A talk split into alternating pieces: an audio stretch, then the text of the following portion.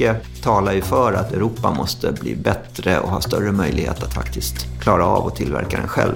Det är halvledarna som har ställt till det. Både lastbilstillverkaren Scania och biltillverkaren Volvo Cars har till och från under den senaste tiden tillfälligt fått stoppa produktionen på grund av att de inte fått tag på halvledare.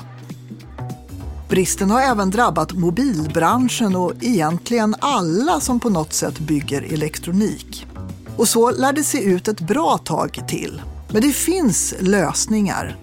Alternativ teknik som utvecklas och som till och med kan vara effektivare och ha en annan funktionalitet än dagens halvledare.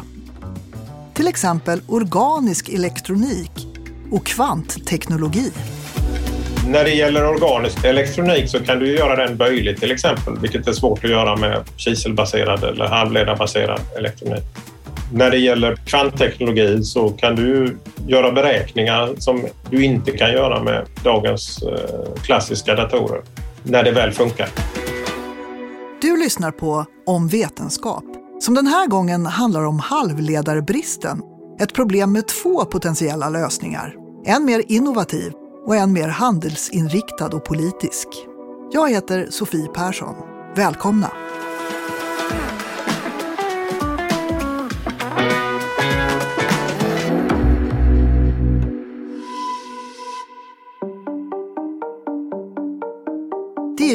Egentligen halvledarkomponenter det är brist på, inte halvledare.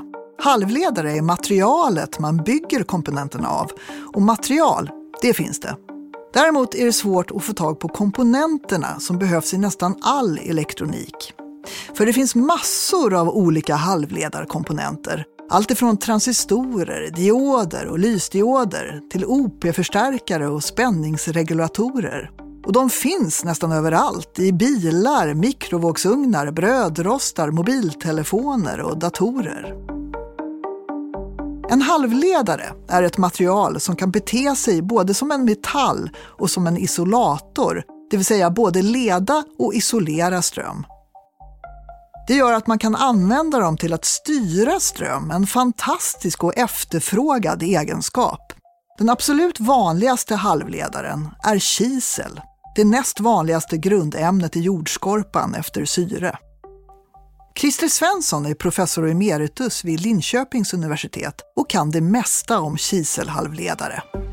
Den moderna halvledartekniken bygger på en hel mängd uppfinningar som gjordes mellan ungefär 1959 och 1970. Så nästan allting är uppfunnet då. Och vad är det för teknik man använder då? I grunden så ska man alltså göra en transistor och det består egentligen av några metallskikt på en kiselplatta. Och sen så kom man på att man skulle kunna göra de här mönstren med fotolitografi. Så då går det att göra alltså komplexa mönster så man kan göra många transistorer bredvid varandra. Och gör man dem mindre så kan man få plats med fler. Va? Sen, sen 1960 då så har man alltså lyckats öka antalet transistorer som man får plats med på en kiselskippa från ett par stycken till ungefär en miljard. Och, och det är det som har gjort att tekniken har blivit så enormt användbar. Det blir helt enkelt eh, sådär tio gånger bättre var tredje år hela tiden. Och denna ständiga storleksminskning kallas Moores lag. Men gränsen för hur liten en transistor kan vara är snart nådd. För kisel är man nu nere på 5 nanometer. Och forskare vid Berkeley i Kalifornien har i labb lyckats göra världens minsta transistor på bara en nanometer av kolnanorör. Så vad gör man då om man inte kan göra dem mindre, men man fortfarande vill få plats med ännu fler transistorer på ett chip?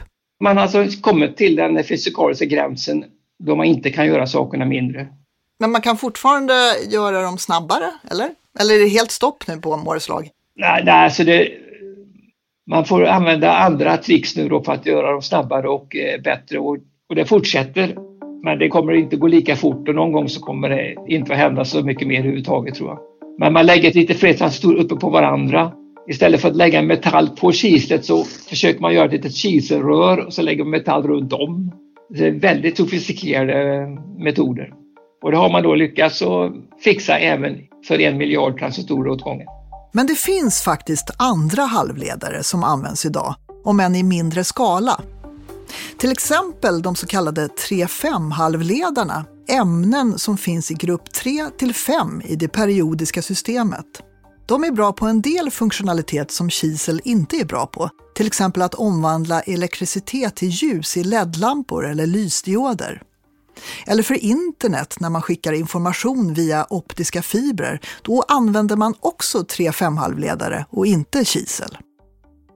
Det satsas också mycket på andra alternativa tekniker, sådana som på sikt kanske kan utmana de klassiska halvledarna. Per Delsing är professor i kvantteknologi på Chalmers tekniska högskola. Ja, sen så kan vi ta det som ett exempel också som jag håller på med med supraledande elektronik. Supraledande elektronik måste ju ha det kallt så att det inte är lämpligt att använda i, i alla tillämpningar. Men i vissa satellittillämpningar och radioteleskop och så, så använder man då supraledande elektronik därför att man kan göra sensorer som är mycket känsligare än eh, vanliga halvledarkomponenter. Dessutom så finns det nu då en, en strävan att bygga kvantdatorer med supraledande elektronik. Det är någonting som jag sysslar med själv. Då. I en dator behandlar en vanlig halvledare informationen i form av antingen en etta eller en nolla. Men en kvantdator kan ha ettor och nollor samtidigt. Den hanterar information på ett helt annat sätt än vad en klassisk dator gör och kan därför bli väldigt mycket mer kraftfull och göra beräkningar som en klassisk dator inte kan göra. Eller kanske snarare, kvantdatorn kommer nog att kunna det, men det är en bit kvar. Och det finns fler alternativa tekniker till halvledare. Per Delsing igen. Ja, det finns eh, ett antal olika saker som forskas på. En del har kommit eh, lite längre fram och en del kommer kanske i framtiden. Organisk elektronik är en sak som är kommersiell idag på vissa områden. Där har man då organiska material, alltså plastliknande material som, som leder ström, som har den fördelen att de är billiga att tillverka och de eh, kan också vara böjliga så att man kan eh, lägga in dem i böjda ytor eller i kläder eller, eller liknande. Det finns också till exempel solceller inom, som är gjorda av organisk elektronik. De har inte lika hög verkningsgrad men om man har stora ytor som man ska täcka så kan det bli billigare att täcka den ytan med organiska solceller istället. Sen finns det då Grafen är ju ett intressant material som ett tvådimensionellt material. Det är alltså bara en atom tunt.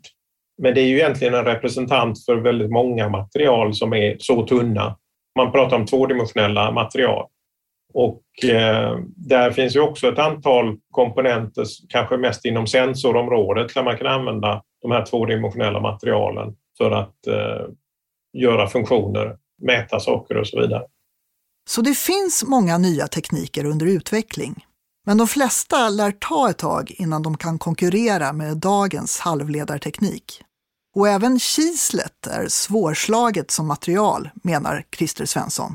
Nej, men alltså, det finns en massa ämnen som är halvledare men jag, jag, kan liksom inte se att de blir bättre än kisel. Va? Och eftersom man har utvecklat kisel under 50 år så är det ganska svårt att komma ikapp.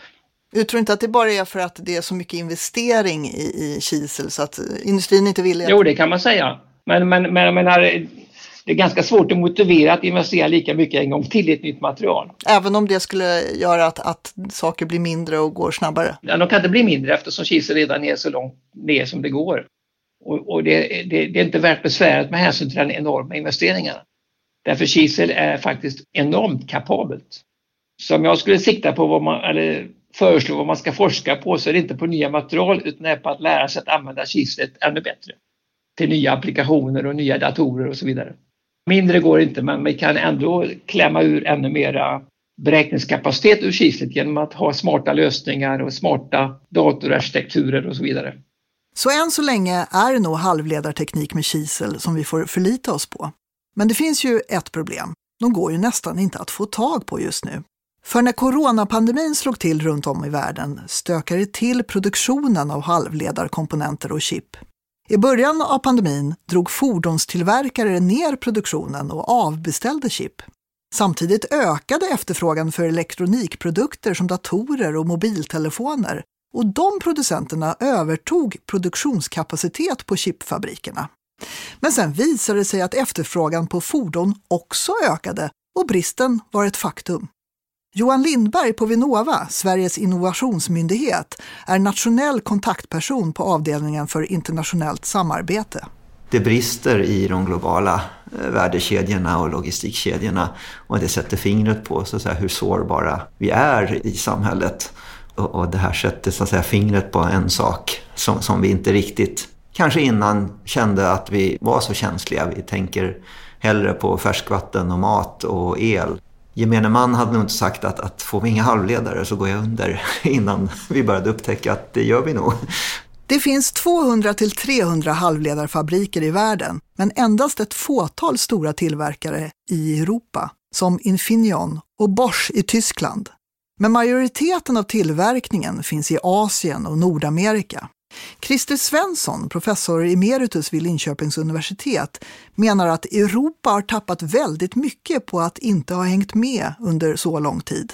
Men sen är det ju ett, allmänt sett ett dilemma här att eh, halvledartillverkningen har blivit så koncentrerad på ett fåtal tillverkare. Så till exempel eh, de mest avancerade chippen, de minsta geometrierna, tillverkas inte alls i Europa. Vi har noll där. Utan de tillverkas i huvudsak på Taiwan då, och i USA lite grann. Men faktum är ju att en väldigt stor del av den mest avancerade halvledarproduktionen i världen tillverkas av ett företag på Taiwan. Och det är en väldigt stor risk. Men hur kommer det sig då att högteknologiska Europa under så många år inte satsat på egen tillverkning?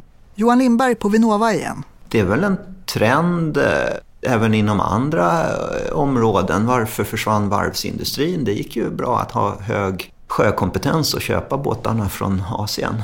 Eh, varför har vi inte satsat mer på att bygga våra egna datorer när det har under lång tid varit bekvämt att låta någon annan bygga dem? Vi, har, vi är fortfarande en kunskapsnation som kan väldigt mycket och kan använda halvledare och den digitala tekniken och vi kan göra saker som eh, Minecraft och Spotify och så vidare. Men vi bygger inte datorerna som, som de behöver för att, att de bolagen ska bli det de har blivit.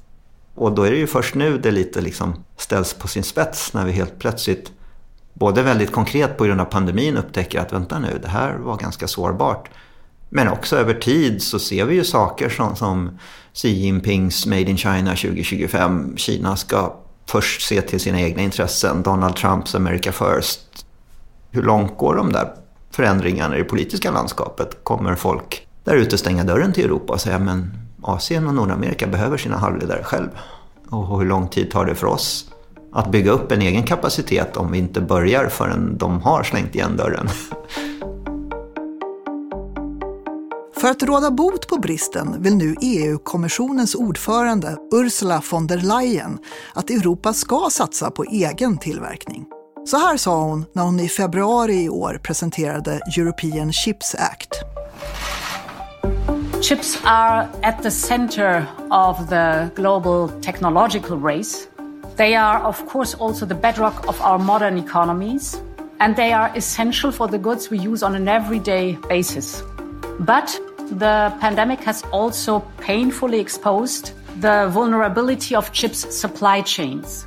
We have seen that um, whole production lines came to a standstill, for example, with cars. While the demand was increasing, we could not deliver as needed because of the lack of chips. So this European Chips Act comes absolutely at the right time, and it has two main goals. De två främsta målen med The European Chips Act är att på kort sikt öka Europas motståndskraft mot störningar i leveranskedjorna och att på lite längre sikt se till att Europa blir en ledande marknadsaktör inom halvledarområdet. För att klara av det har man satt upp målet att till 2030 ha 20 procent av den globala marknadsandelen av chipstillverkningen i Europa. Idag har vi endast 9 procent. Von der Leyen igen. The European Chips Act will back this ambition with considerable investment. It will enable 15 billion euros in additional public and private investment till 2030. And this comes on top of 30 billion euros of public investments that we have already planned. Mer än 40 miljarder euros kommer alltså att satsas på halvledare fram till 2030. Fem områden är i fokus. The first is research.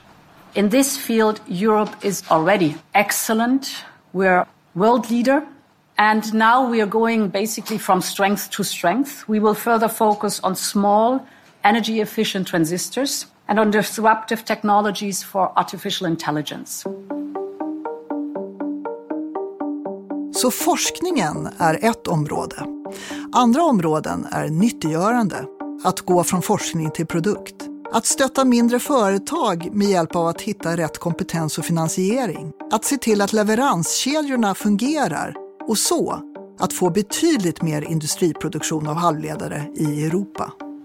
Europe needs advanced production facilities, which come, of course, with a huge upfront cost. We are therefore adapting our state aid rules, of course, under strict conditions. And this will allow, for the first time, public support for European first of a kind production facilities. And as they are first of a kind, they benefit all of Europe.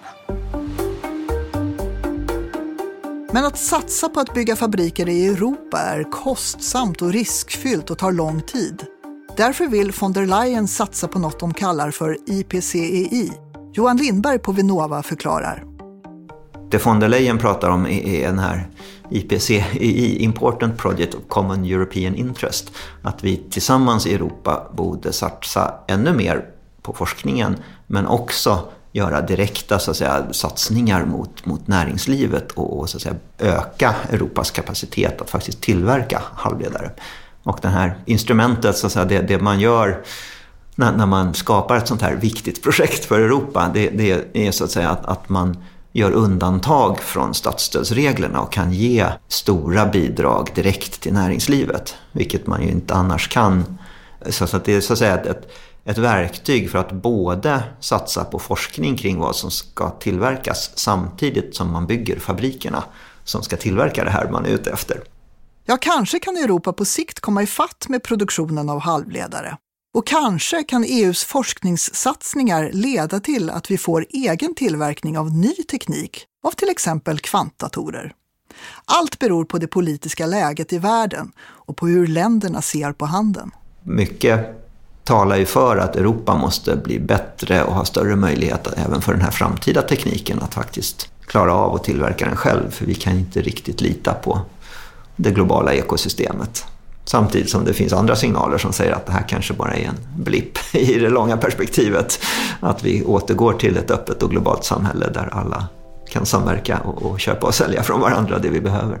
Men, men själva kärnan, just halvledarna, alltså, så finns det ju andra lovande alternativ som, som så att säga att det kanske inte är mer halvledarfabriker vi behöver utan det kanske är kvantdatorsfabriker eller någonting annat fabriker som, som kommer i det långa perspektivet. Och där lämnar vi halvledarna och Christer Svensson, professor emeritus vid Linköpings universitet, Per Delsing, professor i kvantteknologi vid Chalmers tekniska högskola och Johan Lindberg, nationell samordnare på Vinnova. Och så säger jag hej till dig, Jonas Mattsson, chefredaktör för Forskning och framsteg. Hej Sofie. Du har med dig lite vetenskapsnyheter. Ja, det har jag, som vi har publicerat på fof.se, Forskning och framstegs dagliga webb. Och jag tänkte faktiskt börja med att visa dig en bild som du ska få beskriva. Oj! Jaha, det är sju stycken små krukor, eller vad man ska säga, odlingar. Fyra som har gröna blad som ser jätteglada ut och tre som ser väl lite mindre glada ut, men det är i alla fall blad. Ja, och gissa vad det är för jord i de här krukorna? Det är två olika sorter. Näringsfattig och näringsrik kanske? Fyra av dem är vulkanisk jord från jorden och tre är jord från månen. Oj! Ja, och eh, gissa vilka som växer bäst. Ja, det borde väl vara jorden kan man ja, tänka sig. så är det faktiskt. Och det här är ju något som det forskas om inför bland annat eh, en framtid där vi kanske ska odla saker på månen. Och då är det forskare vid University of Florida som har gjort det här. Slutsatsen är att om astronauter på framtida månbaser vill ha färsk sallad så är det bäst att inte ta jord från månen utan att ta med sig jord från eh, jorden.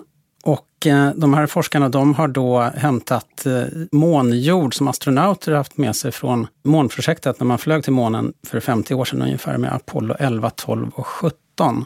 Och i den här sanden från månen, det är mer sand än jord, mm. ska jag korrigera, Där har de sått frön av backtrav, en liten blomma som växer och mognar fort, vilket har gjort den populär för växtförsök. Och för att ha något att jämföra med så tog forskarna vulkaniskt material från jorden som är berett för att likna månsanden och allt vattnades med näringslösning senare.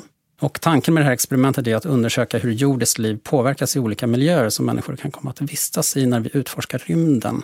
Och de hade också baktanken då att det är bra att veta hur det här fungerar om människor skulle vilja odla på månen i framtiden. Så där gick det alltså? Ja. Men och, det gick ju i alla fall, skulle jag vilja hävda.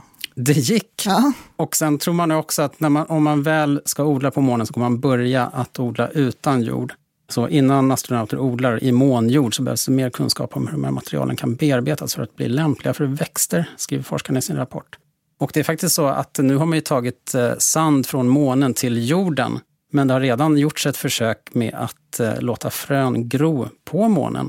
Det var nämligen eh, den kinesiska landaren Chang'e, om jag nu uttalade det rätt, Chang'e 4, i början av 2019 som sådde bomullsfrön på månen. Det experimentet var ganska kortvarigt och fröna växte då i material från jorden. Men de växte? De växte. Ja. Har du något eh, annat spännande också? Ja, vi kan ju sakta röra oss ner mot jorden till eh, nederbörd och grundvatten. För det har vi väl alla hört om på senare år att i sydöstra Sverige, det vill säga Gotland och Öland framför allt, så har det rått vattenbrist på grund av att det regnar allt mindre.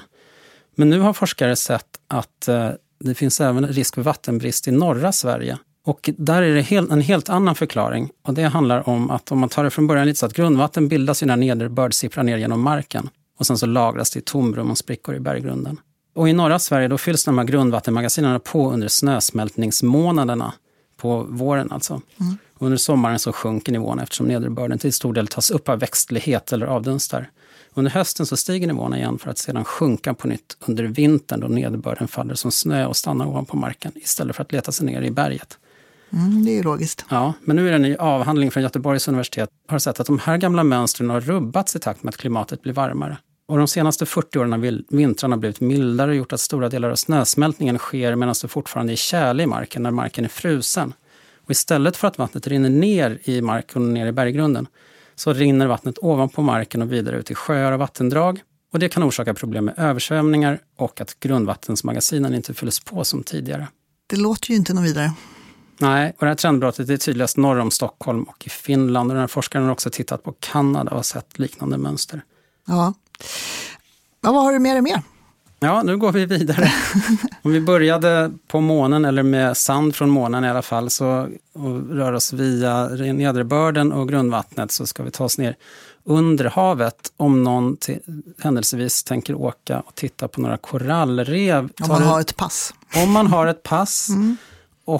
Flyger så långt som man måste flyga för att ta sig till korallrev. Ja. Så det är en sak som man ska titta på förpackningen extra noga. Det är sin solkräm, sitt Aha. solskydd. För att redan sedan tidigare så vet man att eh, vissa ämnen i solskydd eh, skadar korallerna. Man, man har inte riktigt vetat varför. Det här har lett till att eh, bland annat på Hawaii så är vissa ämnen förbjudna i solskydd för att skydda korallreven. Men exakt hur det här går till, det har man inte vetat. Och en sån pusselbit presenteras nu i tidskriften Science där amerikanska forskare visar hur en aktiv ingrediens i solskyddet kan bilda giftiga ämnen i korallernas celler. Och det här ämnet det handlar om är oxybenson som är ett av de vanligaste kemiska UV-filtren i solskydd. Mm. Och eh, när man tar det på huden, då skyddar det huden genom att absorbera solens ultravioletta strålning och omvandla den till energin till värme. Men vad forskarna har sett är att oxybenson kan tas upp av koraller och när ämnet kommer in i korallens celler så bryts det ner och bildar fototoxiner, ämnen som blir skadliga när de träffas av ljus. Forskarna utsatte korall och en sjöanemon för det här oxybensonet. Och när de sedan lyste på dem med simulerat UV-ljus så tog de små djuren skada och dog så småningom. Det ställer ju, man får ju många följdfrågor till, till det här. Hur nyttigt är det för människan egentligen? Och, och just det där också att det omvandlas till värme när man ligger i solen så blir man ju varm och blir man ännu varmare för att man har ja, solskydd på sig. Då. Eh, särskilt på platser där det finns korallrev. Ja, precis. Ja. Ja. Mm. Men eh, det här är ju viktigt då för att kunna inte minst utveckla bättre solskyddsprodukter som inte skadar korallreven. Mm. Och flera undersökningar av hur korallrev påverkar solskydd är på gång, så vi kanske får anledning att återkomma till det här. Ja. Tack för det här Jonas Mattsson, chefredaktör för forskning och framsteg. Vi ses nästa gång. Det gör vi. Tack så mycket. Om vetenskap är slut för den här gången. Jag heter Sofie Persson. Vi hörs snart igen. Om vetenskap produceras av Filt för den oberoende stiftelsen för strategisk forskning.